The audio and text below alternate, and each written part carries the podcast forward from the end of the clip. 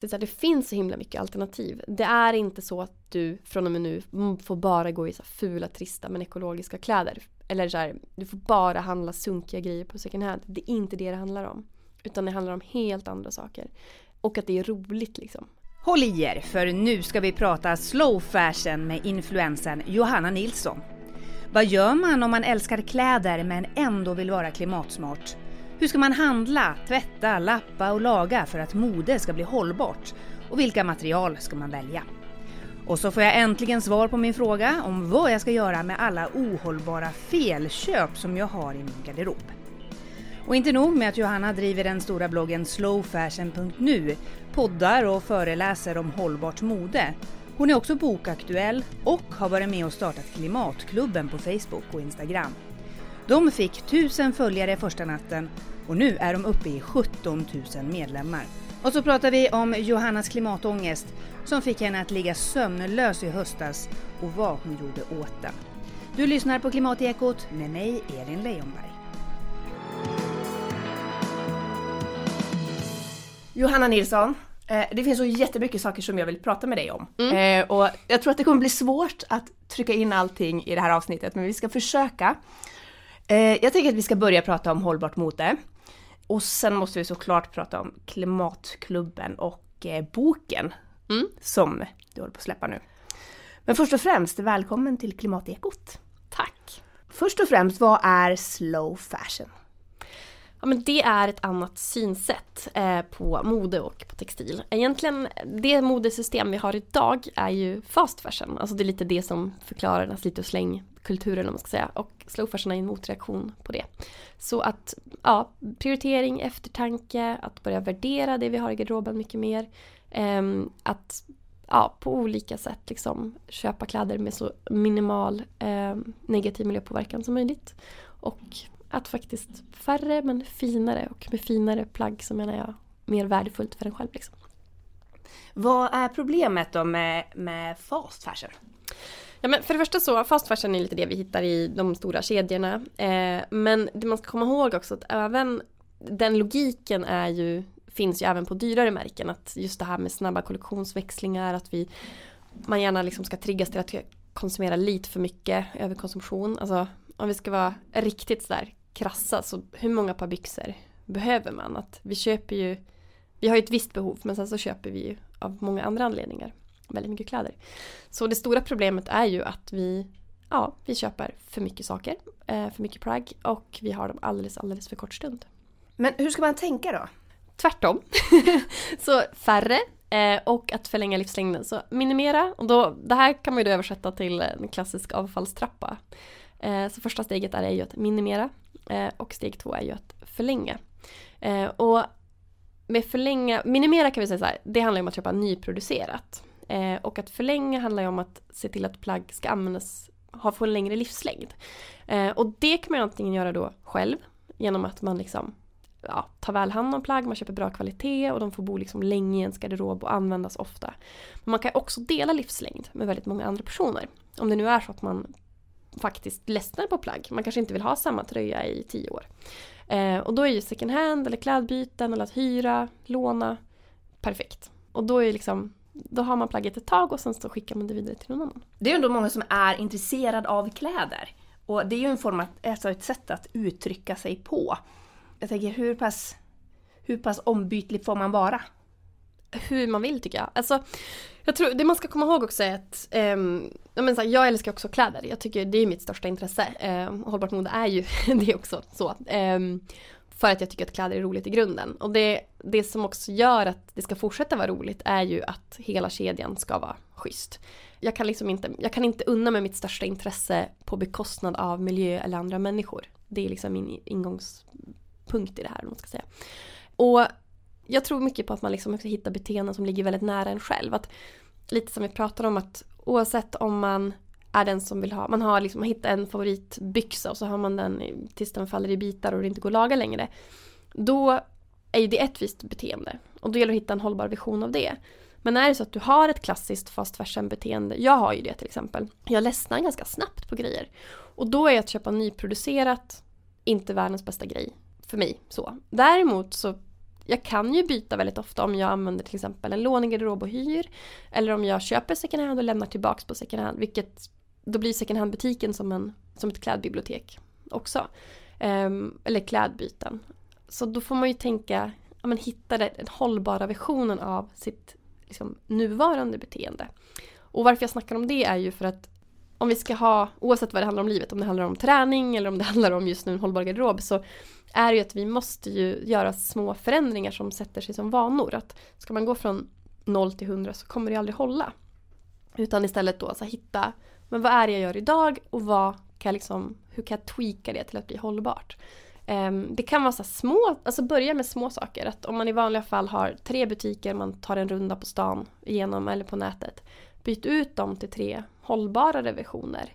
Ehm, om du i vanliga fall springer in liksom i en galleria för att köpa något när du ska på fest, ring en kompis och fråga vad de har. Och när det liksom sitter, då kan man ju fortsätta med nästa grej så att säga. Mm. Men hur ska man veta vad som är hållbart då? Det är det här som är den eh, stora djungeln, vilket är lite mm, roligt och tråkigt eller vad man ska säga. Att, ja men det är ju, alltså just idag också så här, nu pratar ju nästan alla butiker och märken och så om hållbarhet och då är det ju skitsvårt att veta hur man ska förhålla sig till det. Vad menar de egentligen? Men jag jag tänker så här att det som framförallt är problemet inom textilindustrin är ju, det är tre saker. Det ena är ju överkonsumtion, vi köper alldeles för mycket grejer. Eh, det andra är material, vi köper för dåliga material, alltså både kvalitet men också miljöpåverkan under tillverkning. Eh, och avfall och så vidare. Eh, och sen nummer tre är ju produktion, alltså sociala villkor och så. Och det de flesta hittills idag har ju fokuserat på är ju materialdelen. Man kanske är skitduktig på ekologisk bomull eller man använder petflaskor till återvunnen polyester eller vad det kan vara. Men däremot har man inte lyckats, man betalar inte levnadslöner och man har en affärsmodell som bygger, bygger på liksom att sälja mycket och ofta. Och då är man ju inte hållbar. Ehm, så att ha med sig det att när man ska liksom hitta de här hållbara märkena eller butiken och så att verkligen kolla på hur de jobbar helhetsmässigt så att säga. Ehm, vilka typer av beteenden vill de liksom uppmuntra till? Eh, har de rea hela tiden, ja men då har de ju på något sätt också sagt att plaggets värde har halverats efter x antal veckor. Det är inte speciellt hållbart. Um, eller vad det nu kan vara. Så att liksom titta på alla de sakerna. Sen om man vill göra det otroligt lätt för sig så skulle jag ju säga att ja, men, om du inte vet var du ska börja, du är inte så intresserad. Okej, köp bara sånt du verkligen älskar. Alltså minimera. Och nummer två, ja, förläng livslängden på olika sätt. Laga, klädvårda, eh, djupdyk i din garderob, återupptäck saker. Och leta på second hand till exempel.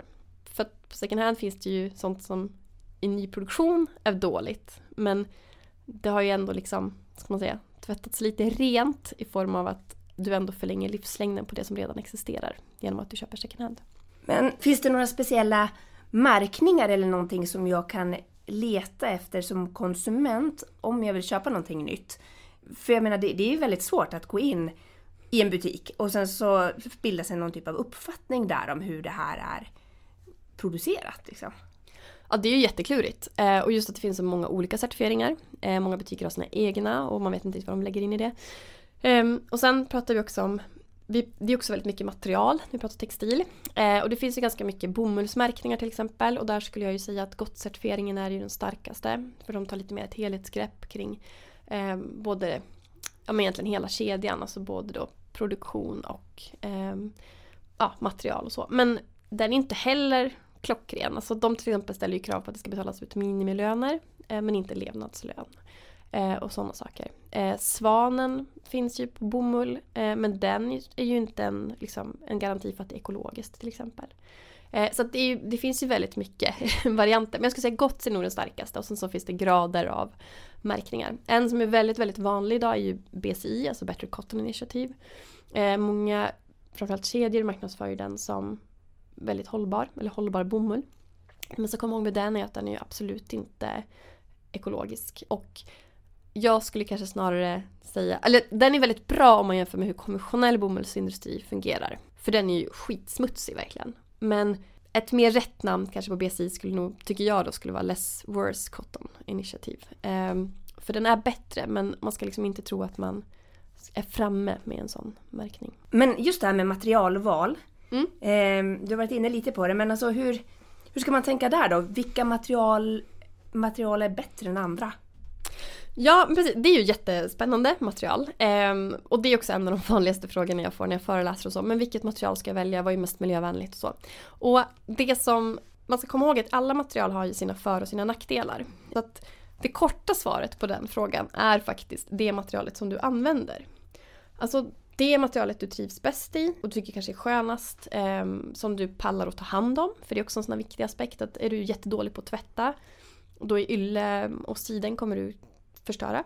Och polyester, ja visst, det är gjort på olja, vilket är fossilt, jättedåligt.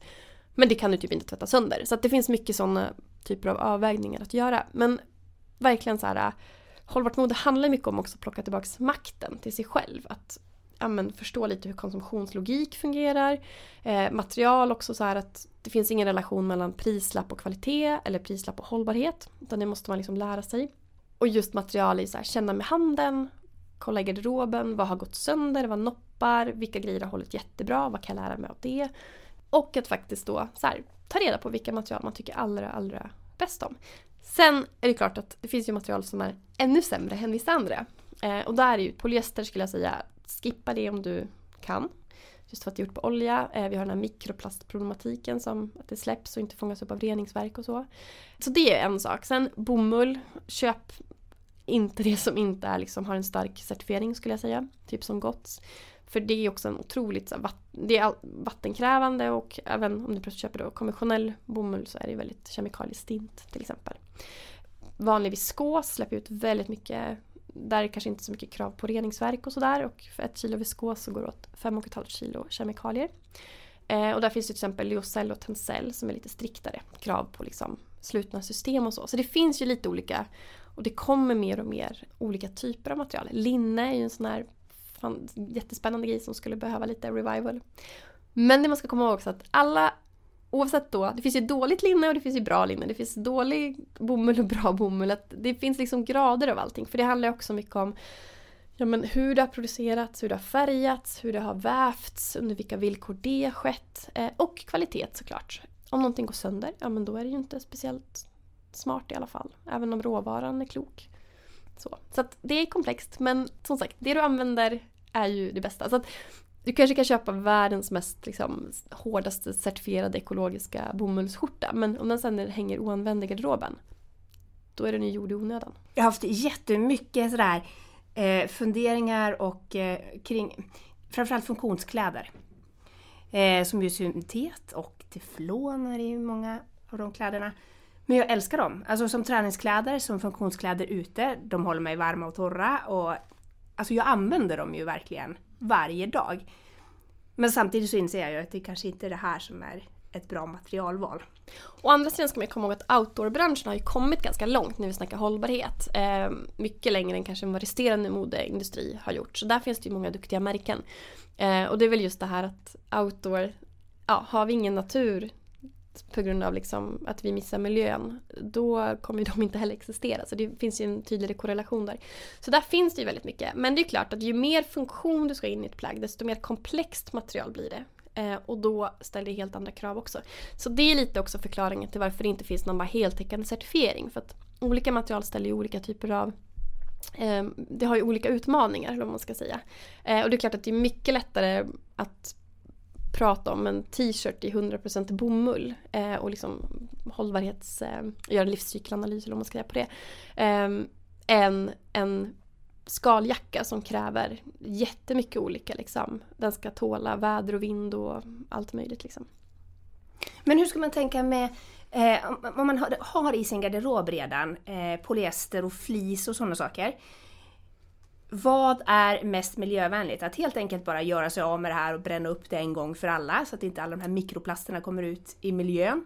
Eller att fortsätta använda dem, men varje gång jag tvättar dem så bara... Fortsätta använda. Naturskyddsföreningen har släppt, eh, om, de menar att det är de första fyra tvättarna som är absolut värst på flis och sånt. Eh, så att om du, ja men som, nu pratar vi polyesterflis också ska säga. Det finns ju ylleflis och det finns bomullsflis och sådär. Eh, kan vara bra att veta. Flis är själva ytan. Måste säga. Men eh, så att jag skulle nog säga an, fortsätt använd eh, det. Och är det liksom redan... För det är också det att det är ju själva produktionen av någonting som kanske är det absolut värsta egentligen. Så det är värre att producera nya saker. Just det, okej. Okay. Vi har fått ärva jättemycket fliskläder till våran son. Jag har tänkt väldigt mycket på det där. Mm. Hur, ska jag använda det här eller inte? Vad ska jag göra med det någonstans? Jag skulle säga använd det. Sen kan man ju, sen behöver man ju kanske inte, kan man undvika att tvätta superofta eller det finns ju mycket sådana där grejer man kan, kan tänka till också. Men, men som sagt det absolut värsta och det, kan man, det är ett annat bra exempel, till exempel om man har svarta jeans som tappar färg. Eh, och så kan man ju färga om det i maskin och så. Och det kan ju kännas väldigt dåligt i form av hur det släpper ut och så. Eh, men det är, också, det är också ett sånt där exempel att det, tar åt, det går åt mer energi och resurser att göra ett par nya jeans. Än den liksom, dåliga miljöpåverkan den här färgen eh, skulle ha. Så då är det bättre att färga om byxorna. Så har man en gång fattat fel beslut i affären så får man liksom då, då, kör man på det. Ja, det skulle jag säga. Och samma sak, är du en sån som verkligen älskar, älskar flis, nu kanske någon som kommer säga emot mig här, så ja men köp det på second hand då så att den redan är tvättad de här, alla de här gångerna så har du i alla fall minimerat problemet. Men köp inte det nytt liksom. Vi har ju det här med att ta hand om sina kläder också. Jag själv vet att jag tillhör ju kategorin som tvättar för mycket av gammal vana och någon slags här, man är inlärd med att man ska ha rena kläder och det betyder att man stoppar in dem i tvättmaskinen efter bara någon gångs användning och sådär. Jag försöker bli bättre, men det är ganska svårt att ändra det här beteendet. Eh, har du något tips på hur man ska göra det här? Um, ja, men, först och främst så här, just det här med beteende. Att liksom få syn på sina vanor. Um, jag till exempel har lärt om att jag vädrar saker jättemycket. Uh, och det har blivit jag, när jag insåg liksom vinsten i det, jag är ganska lat. Och när jag liksom förstod att hänga ut på vädring när jag kommer hem, att då morgonen efter så är det liksom nytvättat, fräscht och nystruket. Och det har tagit mig 20 sekunder. Kontra liksom lägga tvättkorgen, stoppa in i maskin, stryka, ja, du fattar. Då, bara, då är det jättelätt liksom, eh, att se vinsten i det. Det här är också material. Um, har du mycket saker i polyester så kommer du behöva tvätta det säkert för att du blir svettig och det kommer lukta, det går inte att vädra ur. Ylle till exempel ska du ju inte tvätta. Det ska du ju hänga ut i fuktigt väder. Och det finns jättemycket sådana material. Eh, man kan tänka underlinne, eh, undertröja, så klassisk gammal grej. Eh, så det är den du tvättar och inte plagget ovanpå. Eh, och punkttvätta, också så klassisk sak. En liten någon galltvål eller så och gå på en liten fläck och sen hänga ut på vädring. Eh, det är en ganska stor diskussion också man ska, om man ska använda tvättmedel eller om man ska ha eh, sån här, eh, vad heter det? Tvättnötter. Tvättnötter. Mm. Eh, hur ska man göra med eh, sköljmedel, ättika? Eh, hur tvättar du dina kläder? Skippa sköljmedlet till att börja med. Det är ju fullständigt eh, onödigt. Eh, skulle jag säga. Det fastnar ju inte, sägs att det inte fastnar i reningsverk och så. Eh, så skippa det. Och har du liksom de här plaggen som blir väldigt statiska utan sköljmedel så kanske du ska fundera lite på vilka plagg du, du har istället. Sen finns ju väldigt delade meningar om tvättnötter, om det är funktionellt eller inte eller vad man ska säga jag skulle nog säga, som egentligen allt när vi pratar klimat och hållbarhet, att också det är lite två tankar i huvudet. Att också, vad är det som spelar störst roll? Alltså lite det här eh, mest output på minst input. Att Visst, vi måste tvätta mer sällan för att vi tvättar sönder grejerna för snabbt. Men det är liksom inte där olika typer av liksom analyser och så, det är inte där den största klimat eller miljöpåverkan sker trots allt med det här tvätta lägre temperatur och så. Det är egentligen, argumentet för det är egentligen mest att slita mindre på plaggen. Det är inte där du sparar energi. Den största liksom, det är ju just det här i produktionen av, av kläder och liksom kanske transporten av det och sådana där saker. Så att snarare då fundera på vad exakt köper du? Och det är klart att beroende på vad du köper så kommer du behöva tvätta mer eller mindre också såklart. Men vi har ju varit inne jättemycket på det här nu att det är ju komplext allting. Och man vill hålla, alltså jag kan ju känna att jag vill vara miljövänlig och hållbar. Eh, jag vill inte ha olja i kläderna. Jag vill inte att de ska släppa ut mikroplast. Jag vill att djuren ska ha det bra. Eh, jag vill inte att det ska vara giftigt. Men samtidigt, som sagt, jag älskar mina funktionskläder. Skinnskor är ju jättesköna att gå i och de håller mycket längre tycker jag. Och sen ska man faktiskt ha råd att köpa de här kläderna också som man ska tycka är snygga och vilja ha på sig. Alltså det är ganska lätt att vilja ge upp. Att det känns för övermäktigt? Ja. Ja, jag förstår. Nej men och det är ju det, här, det är ju avvägningar liksom. Um, så jag skulle säga att mitt bästa tips för det är ju att välja ut tre stycken värderingar eller kriterier som man inte kan göra avkall för. För det är lite, och det gäller ju all typ av liksom hållbarhet och klimat och miljö och så här, det kommer att vara saker som ställs emot varandra. Just det här med läderskor och kontra olja och djur och så. Det är ett jätte, jättebra exempel. För vi har läderindustrin är fruktansvärt smutsig. Man kanske också, och sen, men också av etiska skäl så kanske man inte vill ha dött djur på sig. Å andra sidan då har vi veganläder som ett alternativ. Men väldigt mycket av veganlädret som är gjort idag är ju oljebaserat eftersom det är någon typ av plast. Och då är det så här, det finns liksom inget alternativ som är superbra. Eh, och kanske ett skinnskorna håller längre tid och den plastbaserade kommer inte riktigt ha samma kvalitet och så. Och det är ett sånt tydligt exempel på att man nog får bestämma sig. Vad är viktigast? Är det djuret eller är det fossilt? Att jag inte vill vara en del av liksom, den fossilindustrin. Och då får man här, välja där. Och det är samma sak, den typen av avvägningar kommer du få göra inom jättemånga saker. Och då, just det här, har man då tre kriterier som verkligen går först. Ibland kommer du kanske kunna ticka in dem plus sju andra saker. Fantastiskt. Men ibland, du kommer ställas inför till exempel att du vill köpa hållbart och schysst men du hittar kanske inte den typen av passform som passar dig. Och det är ju just, ja, men till exempel om du är plus size eller någonting, då kan det, vara, kan det vara jättesvårt att hitta hållbart för det är, ja, det är mycket normer kring storlekar. Och då får du kanske tänka liksom good enough. Att okej, okay, nu fick jag köpa på grund av att jag inte hade pengar eller på grund av att jag inte hittade det jag behövde ett ohållbart märke, eller vad man ska säga. Men det jag kan göra då är ju att använda plagget så mycket som det bara går. Eller jag kan försöka hitta det second hand om det är möjligt eller så. Så att liksom fundera utifrån det. Och om man vänder på det, som sagt, vi behöver göra att köpa färre saker, tycka bättre om de vi har och trivas bäst i dem. Och då är ju passform en jätte, jätteviktig aspekt. Alltså verkligen att det är ett plagg som vi tycker är perfekt. Eh, det måste vara en design som vi tycker är supersnyggt och som vi trivs i. För det är ju det att det mest hållbara plagget eller materialet är ju det vi använder mest. Så kan vi inte få liksom alla de här kriterierna så ska vi i alla fall tänka att okej, okay, men då ska jag i alla fall se till att det är ett perfekt plagg. Och då kanske det här perfekta bara kommer vara typ design och passform. Men det gör att jag kommer använda plagget tio gånger så länge som om jag köper något som är schysst producerat men jag inte trivs i det. Liksom. Så att, ja, så tänker jag lite grann. Vad tänker du kring det här med att man har garderoben full med kläder men inget att ha på sig? Det är ju en klassiker. jag tänker att det är lite som, man ser inte skogen för alla träd. Så då ska man rensa? Ja men precis, rensa lite grann. Um, fundera på också det här, återigen, så här, ta tillbaka makten lite till sig själv. Vi har också ofta ganska mycket kanske plagg som vi har dåligt samvete inför. Att vi har kanske köpt och inte använt det eller den typen av saker. Eller att det påminner oss om att vi borde gå ner i vikt eller träna mer eller vad det nu Vi har ju många, många av oss har ju sådana typer av liksom, saker som hänger.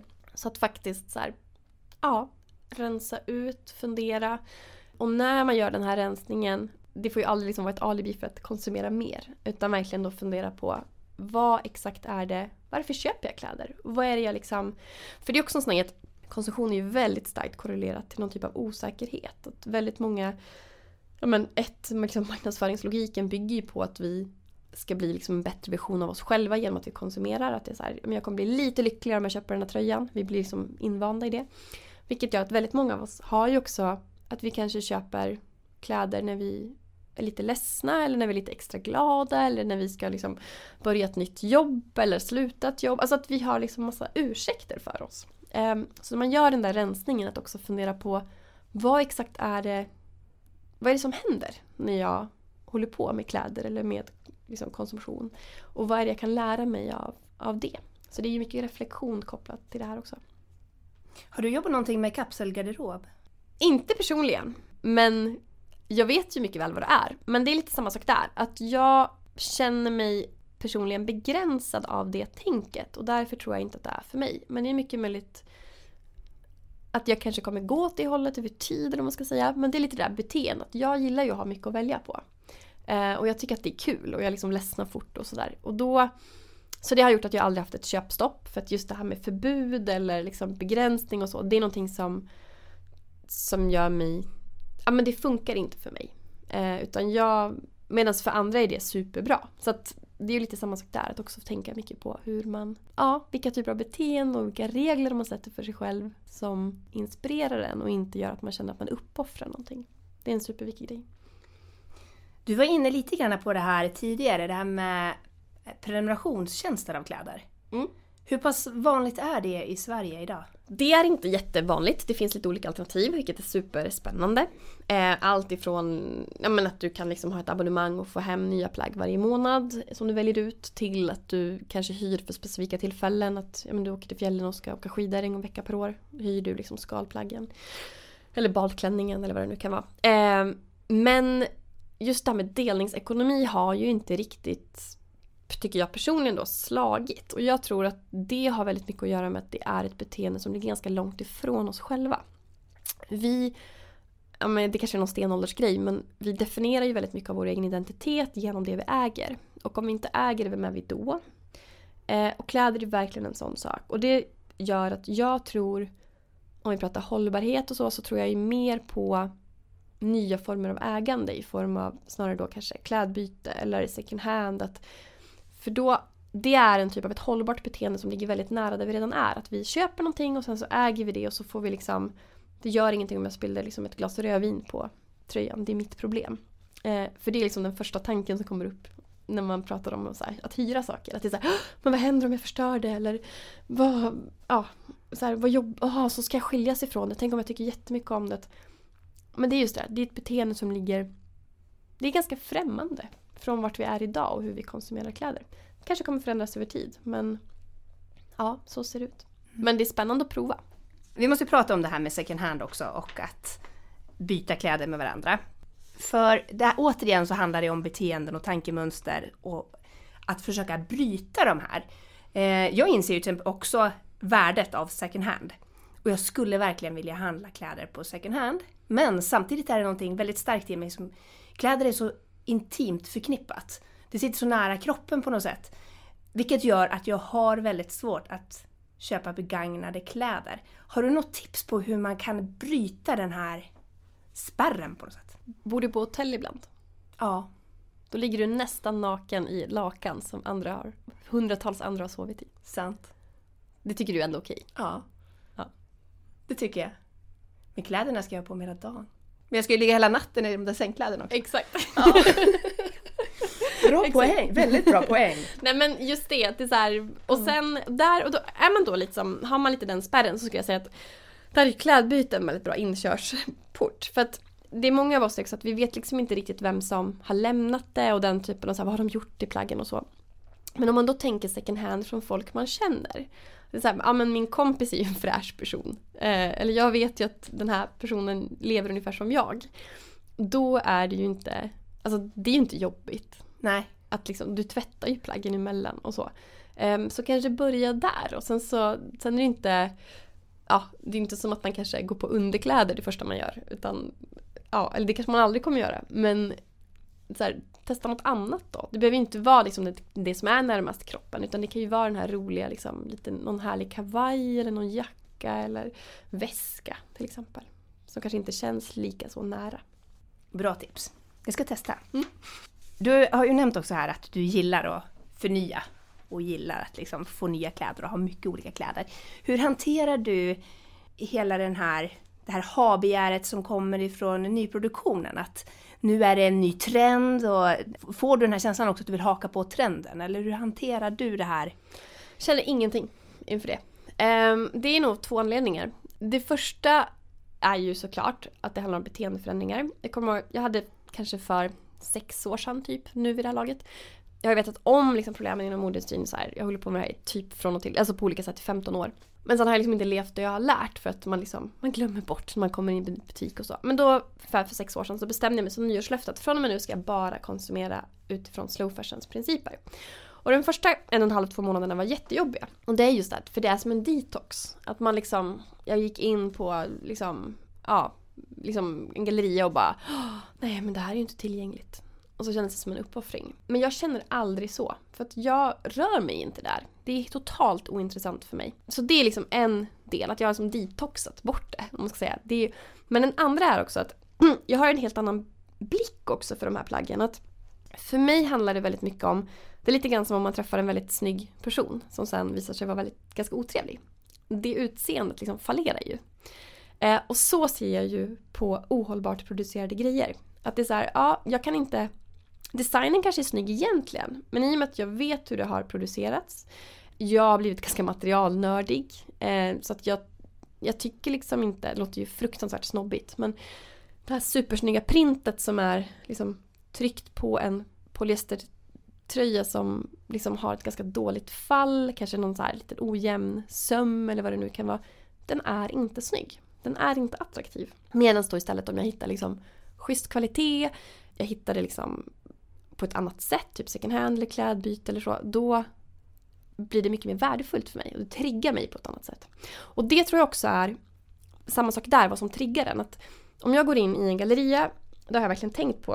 Eh, för jag bor i Stockholm, jag bor nära Mall of Scandinavia, vilket är så helt vansinnigt. Men om jag går in där, det som gör att jag blir så himla opeppad är bland annat för att allt är tillgängligt. Det är ingen sport. Medan second hand är, det är en sport. Det är som att plocka svamp typ. Det är så här, jag är den enda som kommer att hitta den här grejen. Eh, och sen om jag har den här på mig och jag får komplimanger för den. Då är det så här, ja tråkigt. Men du kommer aldrig få tag på den. För den är min. Eh, det känner inte jag när jag kan välja så här 50 000 olika plagg. Det är inte spännande liksom. Vad skulle du säga är det största felet man gör då som modekonsument? Men för det första så tror jag inte på dåligt samvete. Eh, för det är inte där vi... Vi måste vara medvetna om problemen och vi måste förstå att vi måste agera och att vi har en makt att alltid kunna påverka vår egen garderob. Eh, oavsett om vi kanske egentligen har liten plånbok eller litet maktutrymme. Vi har liksom, det finns liksom någonting. Sen är det just det att vi tror, det är så lätt att tänka att det är just en uppoffring. Att tänka mer eh, hållbart. För att vi är så invanda i våra beteendemönster. Och det är klart att om vi nu ska snacka om det här, men sluta handla fast fashion eller vad det nu kan vara eller börja tänka till mer. Eh, om man nu tycker att det här är liksom det roligaste att köpa mycket nytt och ofta. Så det är klart att det känns som att när den dörren stängs så känns det ju fruktansvärt. Men för att sen kommer vi behöva en detoxperiod liksom. Men jag tror ju väldigt mycket på att också förstå då vilken, vilken, att det verkligen på riktigt öppnar sig en hel värld av möjligheter. Och det är klart att innan man börjar nosa på den världen så kanske man inte ens vet att den finns. Och det är det som jag på något sätt hoppas kunna bidra med att visa att det, så här, det finns så himla mycket alternativ. Det är inte så att du från och med nu får bara gå i så fula, trista men ekologiska kläder. Eller så här, du får bara handla sunkiga grejer på second hand. Det är inte det det handlar om. Utan det handlar om helt andra saker. Och att det är roligt liksom. Så det tror jag att vi måste börja fatta hur otroligt spännande och mycket det är runt omkring. Och det säger väldigt många som liksom gör den här transformationen att i och med den här liksom nya världen som öppnar sig och det här andra som stängs så börjar man också iaktta på ett annat sätt. Man, man får liksom en helt annan så här, förståelse för material. Man får en annan förståelse för hantverk. Ehm, för liksom, man börjar värdesätta på ett annat sätt. Och det är ju lite, och jag har ju själv gjort den resan att men för kanske åtta år sedan hade jag ju typ bara liksom polyesterplagg. För jag fattar inte att det fanns något annat. Och nu när jag liksom har blivit lite mer då, materialsnobbig så om jag tar på mig liksom en polyestertröja så blir jag ju jag, jag tycker det är som att ha på mig en plastpåse. Jag tycker det är jättehemskt. Jag blir skitsvettig liksom. Och det är klart att jag kunde inte känna den känslan när det var mitt normaltillstånd. Och det är också så viktigt att så här, när man börjar se någonting annat då börjar man också kunna jämföra. Eh, och det är ganska häftigt. Du har en eh, dotter som är två år va? Mm. Och du har skrivit en del om det här med barnkläder och slow fashion kontra fast fashion när det kommer till barnkläder. För det är mm. ganska svårt. De växer ur dem snabbt. Vissa storlekar kan de ha i ett halvår, vissa har dem i tre veckor. De kan vara förstörda efter första matningen. Så har man nog fläckar som inte går bort. Hur tänker du kring det här med barnkläder? Men jag tänker, eh, jag har gjort ett helt poddavsnitt av det här också om man vill lyssna på min slow fashion podden. Um, nej men jag tänker också så här, det är ju olika utmaningar i olika åldrar såklart. Det finns super super mycket second hand, typ allting finns första, jag vet, i alla fall halvåret. Sen är det klart det börjar bli mer slitage och de här grejerna lite längre. Eh, så då ställer det andra typer av krav. Men jag tror att man framförallt ska ha med sig, det är någonting som jag har tänkt mycket på, att vara lite mindre petig också det, kanske, det blir extra svårt om man då tycker att barnkläder är väldigt roligt eller att man har det som en hobby eller så. Jag har ju aldrig känt så riktigt utan och det gör det ju lite lättare att det är det här, ja men ska, mitt barn ska inte vara naket. Sen har hon fortfarande schyssta grejer på sig men det behöver kanske inte vara den perfekta liksom, tröjan eller det supersnyggaste printet eller vad man ska säga. Utan, och det kan vara jag tänkte på det ganska mycket bara att just det här med att också handla second hand. Det finns ju väldigt mycket second hand. Det finns väldigt mycket Ja, det brukar ju oftast ordnas loppisar, man kan ärva emellan. Eh, teama upp med andra på förskolan och liksom byta mellan grannar. Det finns ju hur mycket liksom möjlighet som helst kring det här. Eh, och satsar man liksom på bra kvalitetsplagg från början och det lär man sig ganska snabbt vilka märken och butiker som är lite bättre än andra. Och tvärtom, eh, vilka som är extra dåliga. Satsar man på det då kan man ju liksom använda grejerna mycket längre. Men, men det jag skulle säga var att också som sagt att man kanske inte men till exempel jag skulle köpa ett par gummistövlar till henne och det var verkligen så akut att hon behövde dem en dag. Och jag bara, ha gud, hur ska jag hitta det här second hand?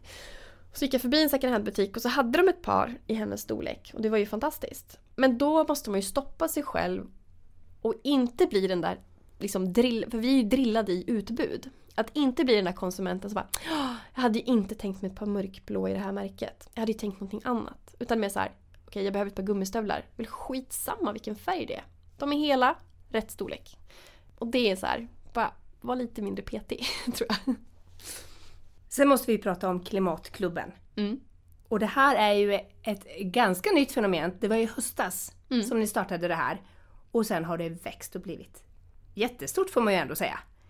Berätta om Klimatklubben. Ja, men jag startade det med Maria Soxbo och Emma Sund som också eh, har bloggar. Eh, precis som jag, det är så vi känner varandra genom liksom influencervärlden. Så Maria skriver ju om, hon är frilansjournalist också, och skriver, hon skriver mycket om inredning och hållbar inredning. Och Emma Sund, också journalist och skriver om eh, ja, barn, do it yourself, inredning, livsstil med fokus på hållbarhet. Och vi pratade ganska mycket om att vi nog funderade mycket på att vi vill göra ännu mer kring våra plattformar. Att vi, som influencer så har man ju också eh, det, diskuter, det här diskuteras ju väldigt mycket, hur mycket liksom makt har en influencer att påverka och så. Men du måste komma ihåg att själva begreppet handlar ju om att influera andra. Sen kan man ju välja då om man vill influera till liksom snabb konsumtion och liksom långa flygresor eller om man vill influera till något, något helt annat. Ehm, typ klimatsmarthet och så. Och så föddes idén liksom. Och sen samma dag som FN släppte sin, eller IPCC släppte sin klimatrapport, 8 oktober. Vi hade pratat om det här innan och då kände vi så här, Oj vad våra flöden svämmar över av klimatångest. Nu har folk panik. Och det, det man också vet är ju att risken för ångest som inte liksom kanaliseras om till engagemang blir ju apati. Och då är vi riktigt, riktigt farligt ute. Så vi, liksom på volley den kvällen genom en messenger-tråd typ, så drog vi igång Klimatklubben. Eh, startade ett Instagram-konto, när vi vaknade på morgonen efter hade vi tusen följare. Eh, och det liksom bara total började snurra. För att, och det var, vi har hört det från så många håll att det var det här folk på något sätt letade efter. Att man, man ville liksom omge sig med andra och känna hopp i att man inte var ensam. För det vi vet liksom att det är så himla många som man känner sig så ensam. Man kanske är den enda som funderar på det här på sitt jobb eller i sin familj eller vad det kan vara. Och det gör en ju ledsen. Liksom. Men kan man liksom organisera sig och samlas och så. Um, så kan man också skapa förändring på ett annat sätt. Så Klimatklubben har sedan 8 eh, oktober då eh, växt till drygt 32 000 på Instagram och drygt 16 000 på, i en Facebookgrupp. Och det vi har hittills resulterat i, eller man ska säga, är ju jättemycket olika engagemang. Klimatklubben formellt är ju en plattform, ett nätverk. Eh, där vem som helst får vara med. Och det vi egentligen gör är att koppla ihop människor där man får prata om de här sakerna och bidra med kunskap, eh, dra igång namninsamlingar, upprop, kampanjer. För det är det också så att man når ju ut ganska snabbt om man kan liksom dela en namninsamling eller ett upprop i den här typen av grupper och kanaler. Och på det sättet kan vi skapa liksom opinion och trycka på mycket bättre. Och liksom backa upp varandra i att våga ta den där diskussionen i fikarummet. Som man kanske är för feg egentligen för, men så får man lite ryggdunkar från klimatklubben. Eh, och det är ju fantastiskt att ja, gå från liksom klimatångest till handlingskraft egentligen. Men det har ju blivit så otroligt stort. Så vad är det som skiljer klimatklubben mot andra Facebookgrupper och sidor som också är inriktade på klimatet? Ja, men det är först, vi har ju, det kan man tycka vad man vill om, men vi har ju alltid haft en tanke om att vi vill göra klimatfrågan snygg och lättillgänglig. Eh, och det, vi jobbar ju alla med text och kommunikation och bilder liksom. Så just det här att, att faktiskt göra klimatfrågan till någonting spännande och attraktivt, att det är kul. Det, det, ska vara lätt att ta till sig fakta, det ska vara lätt och tydligt vad man kan göra istället. Eh, det ska vara lite roligt, eh, verkligen. Och där tycker jag väl överhuvudtaget att så här, miljö och klimatrörelsen borde bli bättre på att inte... Man gör jätteviktiga saker men sen det ser inte så kul ut när man delar en bild från ett konferensrum. Liksom. Utan om man vill att folk ska haka på och vara med så måste man ju visa att det är där festen är eller vad man ska säga. Eh, och att det är det som är liksom det nya goa livet. Det är inte, återigen, det är inte en uppoffring att tänka på de här sakerna och, och agera efter dem. Utan att visa på att så här, fan vad kul det blir. Och det är någonting som vi har jobbat jättehårt med i Klimatklubben och som vi också fått väldigt mycket cred för. Sen är det också det att vi har nått en helt annan målgrupp än vad som är aktiv eh, traditionellt sett i miljörörelsen, vilket är jättekul. Så vi har fått, jag kommer ju från engagemangsvärlden liksom, och bakgrund, organisation, så för mig är det så himla naturligt att jag har varit med i Röda Korsets ungdomsförbund och massa olika med fokus på rättvis handel och hållbar utveckling och så. Så för mig är det så liksom inrotat att om jag blir arg över en orättvisa så engagerar jag mig. Och det, det har någonting som jag är väldigt extra stolt för och är väldigt eh, glad men också lite man säga, förvånad över är ju just det här att alla tänker ju inte så som jag gör eller har den liksom vanan. Och det som många har berättat för oss är att Klimatklubben har varit det första gången de har engagerat sig i någonting. Det kan vara så här, men jag är 35 år och jag har aldrig varit aktiv i liksom någon rörelse eller någonting sånt. Men nu är det här första gången som jag liksom vågar ta en debatt typ. Och det är ju så fantastiskt roligt. Att få vara med och, och bidra med det liksom. Vad är framtidsvisionen med Klimatklubben? Ja men vi vill ju såklart att den ska vara långsiktig. Ehm, och vi det är liksom vår största utmaning. Att vi har växt jättesnabbt vilket är fantastiskt roligt. Men vi har liksom våra vanliga jobb och kring hållbarhet och klimat. Och eh, det finns så mycket saker som man vill göra och kan göra och borde göra. Men vi hinner inte med. Eh, så drömmen är ju att på något sätt hitta en långsiktig finansiering. För vi tror att det måste finnas liksom någon typ av... Det måste finnas människor. Nu, vi har jättemycket moderatorer och fantastiska liksom, människor som gör saker ideellt för att få liksom, Facebookgruppen att funka och ha en bra stämning och så vidare. Vi gör mycket saker också men drömmen skulle ju vara att ha liksom, en eller två personer som faktiskt hade det här som sitt jobb.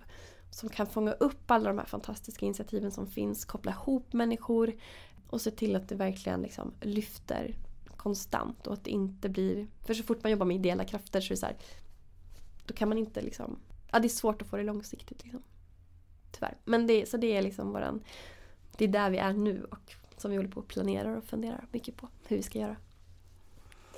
Eh, och sen så har du skrivit en bok som kommer ut i september. Ja, med Emma och Maria. Mm.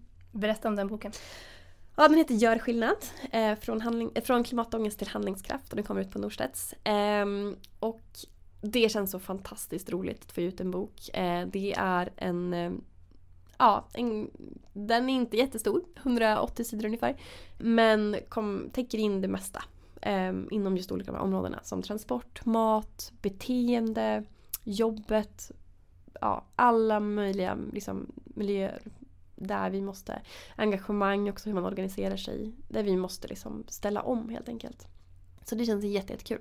Och eh, ja, anledningen till boken är egentligen att när vi hade haft Klimatklubben i två veckor så hörde eh, Norstedts av sig och frågade om vi ville skriva en bok. Och det ville vi. Hur tänker du på det här eh, kring klimatångest kontra just handlingskraften? Organisering och engagemang. Jag mådde ganska dåligt en period i höstas. Hade lite svårt att sova. Ehm, och det var just det att jag kände inte igen mig själv egentligen för att jag har alltid, jag har alltid varit en sån person som att när någonting känns fel så blir jag skitarg och förändrar. Typ. Men jag kände inte igen mig själv för jag var så fruktansvärt ledsen. Och det var just det att jag vet inte hur vi ska lösa det här. Ehm, jag tycker att det är jätte, jätte obehagligt. Eh, jag kunde, hade veckor jag typ inte kunde se på mitt barn utan att börja grina. För att jag var så här, Gud vad har vi för framtid liksom? Jätte, jätte, jätte hemskt jag skulle inte säga att det är löst. Jag har fortfarande, men jag har hittat strategier för att hantera min klimatångest. Och jag hoppas att alla, jag tror att det funkar på alla egentligen. Och där har Klimatklubben varit en jättestor del. Och det är just det där att, att se till att inte känna sig ensam. Att kanalisera i engagemang. Att känna att jag gör i alla fall vad jag kan. Och liksom gör mitt bästa. Och jag tycker också på de här sju månaderna, det ska vi komma ihåg, det tycker jag är hoppfullt. Debatten är helt annan nu. Det är bara att kolla hur media rapporterar om frågan. Det har hänt så jäkla mycket. Det är liksom en, en helt annan aktuell. Sen går det fortfarande för långsamt. Men i början på hösten, det var liksom första gången Greta Thunberg satt utanför riksdagen. Hon hade alltså, jag tror att jag började följa henne på Instagram, hon hade så 300 följare. Alltså det har hänt saker och det händer och det, liksom, det är en snöboll i rullning och det är så jävla häftigt. Så det ger mig ändå hopp på något sätt. Och just det här att känna att jag är inte ensam. Vi kan trycka på så jäkla mycket om vi bara är tillräckligt många som pratar om det här på alla sätt och vis. I alla sammanhang. Att liksom, och att alla, alla gör det. Det är lite det. Att det är så lätt att liksom bara, ah, men vad har jag för ansvar när folk i Kina släpper ut eller jag tror inte på det. Det är så här, ja men eller så här, jag ska ändra det här när politikerna ändrar det. Men det vi ska komma ihåg är att så här, politikerna behöver opinionen. Eh, och vi är opinionen. Vi kan bara bestämma vad vi tycker att de ska göra. De kommer ju att rätta sig efter det. Vi kommer rätta oss efter vad politikerna gör. Företagen kommer anpassa sig och vi kommer köpa det företagen erbjuder oss. Så att om alla jobbar på sina fronter så kommer vi få nå mycket, mycket snabbare. Och det handlar inte om att ställa saker mot varandra. Att ja, men kött versus flyg. Vi måste bara i princip sluta med allting. Helst min, eller så här, vi kommer behöva minska men vi skulle, det bästa skulle vara om vi bara slutade med jättemycket saker. Liksom en period. Och ja, på riktigt liksom ställa om och jobba på, ja som sagt från alla håll med alla saker samtidigt. Och att alla behövs liksom. Varför tror du att den här snöbollseffekten har kommit nu? För att det är panik på riktigt. Det är, eh, fler och fler börjar förstå att det här är liksom ingen så här tyck och smakfråga utan nu är det blodigt allvar. Hur, hur ser du själv på framtiden nu då? Jag försöker väl ja, men jag tror mycket också så här, försöka hålla uppe sitt engagemang och sin handlingskraft. Genom att också välja rätt typ av skygglappar. Så jag... Det här låter ju väldigt konstigt. Jag hoppas på framtiden men en sida av mig är ju också väldigt dyster. Men jag väljer att inte tänka med den sidan. För att då tappar jag min handlingskraft. Och då kommer inte jag göra skillnad. Um, så därför så, jag har läst, slutat läsa nyheter till exempel. Jag läser ingenting som är liksom som pratar om hur illa ställt det är. För jag behöver inte väckas, jag har full koll. Sen är det jättebra att man rapporterar om det så att fler börjar förstå allvaret. Men jag vet. Och jag behöver inte vältra mig i det. Om det gör mig apatisk så är det inte det, det bästa sättet att förändra. Och det har ju också varit en liten resa att jag känt mig dålig för att jag undviker saker.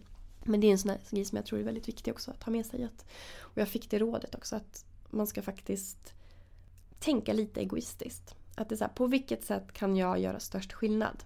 Ja, det gör jag om jag mår bra. Och då måste jag hitta mina strategier för att, för att kunna göra det. Och då är det just det här att fokusera på framåt, den samlande kraften, makten i att vi kan förändra, skapa opinion och sen att undvika se det här som kanske också går fel samtidigt. Om det nu gör att jag mår väldigt dåligt. Du är i Umeå nu för att eh, prata på en eh, klimatkonferens eh, där du ska prata om hur man tjänar pengar på hållbarhet. Ja, jag tycker att alla företag ska pyssla med hållbarhet. Ja. Och hur, hur gör man det då? För jag tänker att hela den här miljörörelsen, Eh, det här är ju någonting som länge har drivits ideellt, på ideell basis. Eh, och som du säger så är det ganska svårt att, man måste ju någonstans tjäna sina pengar och liksom betala sina räkningar. Och om man då vill kanalisera den här klimatångesten genom att göra någonting aktivt, eh, att starta ett företag eller liknande. Vad är dina råd? Hur ska man kunna leva på det här? Ja, men för det första så jättebra att du tar upp det här. Liksom att det, har ju, det tycker jag är någonting som börjar så här försvinna eller så är det för att jag rör mig i den världen. Men just det här, det har varit väldigt vattentäta skott mellan idealism och kommersialism. Eh, och det tycker jag ändå börjar så här synka ihop, att det inte är lika fult att prata om de här sakerna. Och det är ju för att jag tror ju personligen att, som jag sagt så här, att alla måste samarbeta. Och vi kan liksom inte vara emot varandra, vi måste vara tillsammans. Och att då prata om just den här omställningen att så här, ja, jag tror ju och det finns ju väldigt mycket fakta kring det också. Så att, ja, men vi vet att fossilindustrin är inte en framtidsbransch. Det är inte där du kommer tjäna dina pengar om hundra år. Och de företag som vill hänga med måste börja tänka smart nu. Vi vet också att eh, till exempel de fonder, alltså typ av investeringar och så där hållbara bolag går bättre. Eh, och det har att göra med att man liksom tittar på framtidsutsikter. Och det är jättespännande. Men också just det här att om vi pratar liksom just hur man ska göra ett bolag eller ett företag. Det kan ju vara att omforma ett befintligt företag eller att bygga ett nytt från början. Jag tror väldigt mycket på affärsmodell. Att bygga rätt typ av affärsmodell från början. Som inte grundar sig, om vi säger, man säger produ säljer produkter. Att inte grundar sig då i att tjäna alla sina pengar på ny produktion och konsumtion. För då kommer du hamna i, då har du överkonsumtionsproblematiken inbyggt i din affärsmodell. Och då kommer du aldrig kunna bli hållbar. Utan då handlar det om att hitta andra sätt. Och det kan ju då till exempel vara att man har man tjänar pengar på reparationstjänster till exempel kopplat. Eh, egen second hand, uthyrning, eh, olika, typer av, ja, men olika typer av tjänster. Att man går från liksom produkt till tjänst. Om man tidigare har liksom pratat om att man säljer sex par jeans så tror jag ju mycket på att framtiden kommer handla om att sälja ett par jeans sex gånger. Vilket betyder att man då tjänar samma pengar som man gör idag men man belastar ju inte jorden på samma sätt. Utan du tjänar liksom... Och det är det att då har du liksom en affärsmodell som är mycket lättare att jobba eh, med egentligen. Sen finns det ju pengar att tjäna på smarta saker som är hållbara men det är inte där man kanske primärt tänker. Och det kan ju vara så här Bättre logistik till exempel. Idag vet vi att man har problem med, återigen säljer produkt, överproduktion. För att man måste liksom ut med x antal produkter i x antal liksom butiker eller marknader. Och så vet man inte riktigt vart kunden kommer att handla. Och så står man där med sitt överlager. Som kostar jättemycket pengar och så vidare.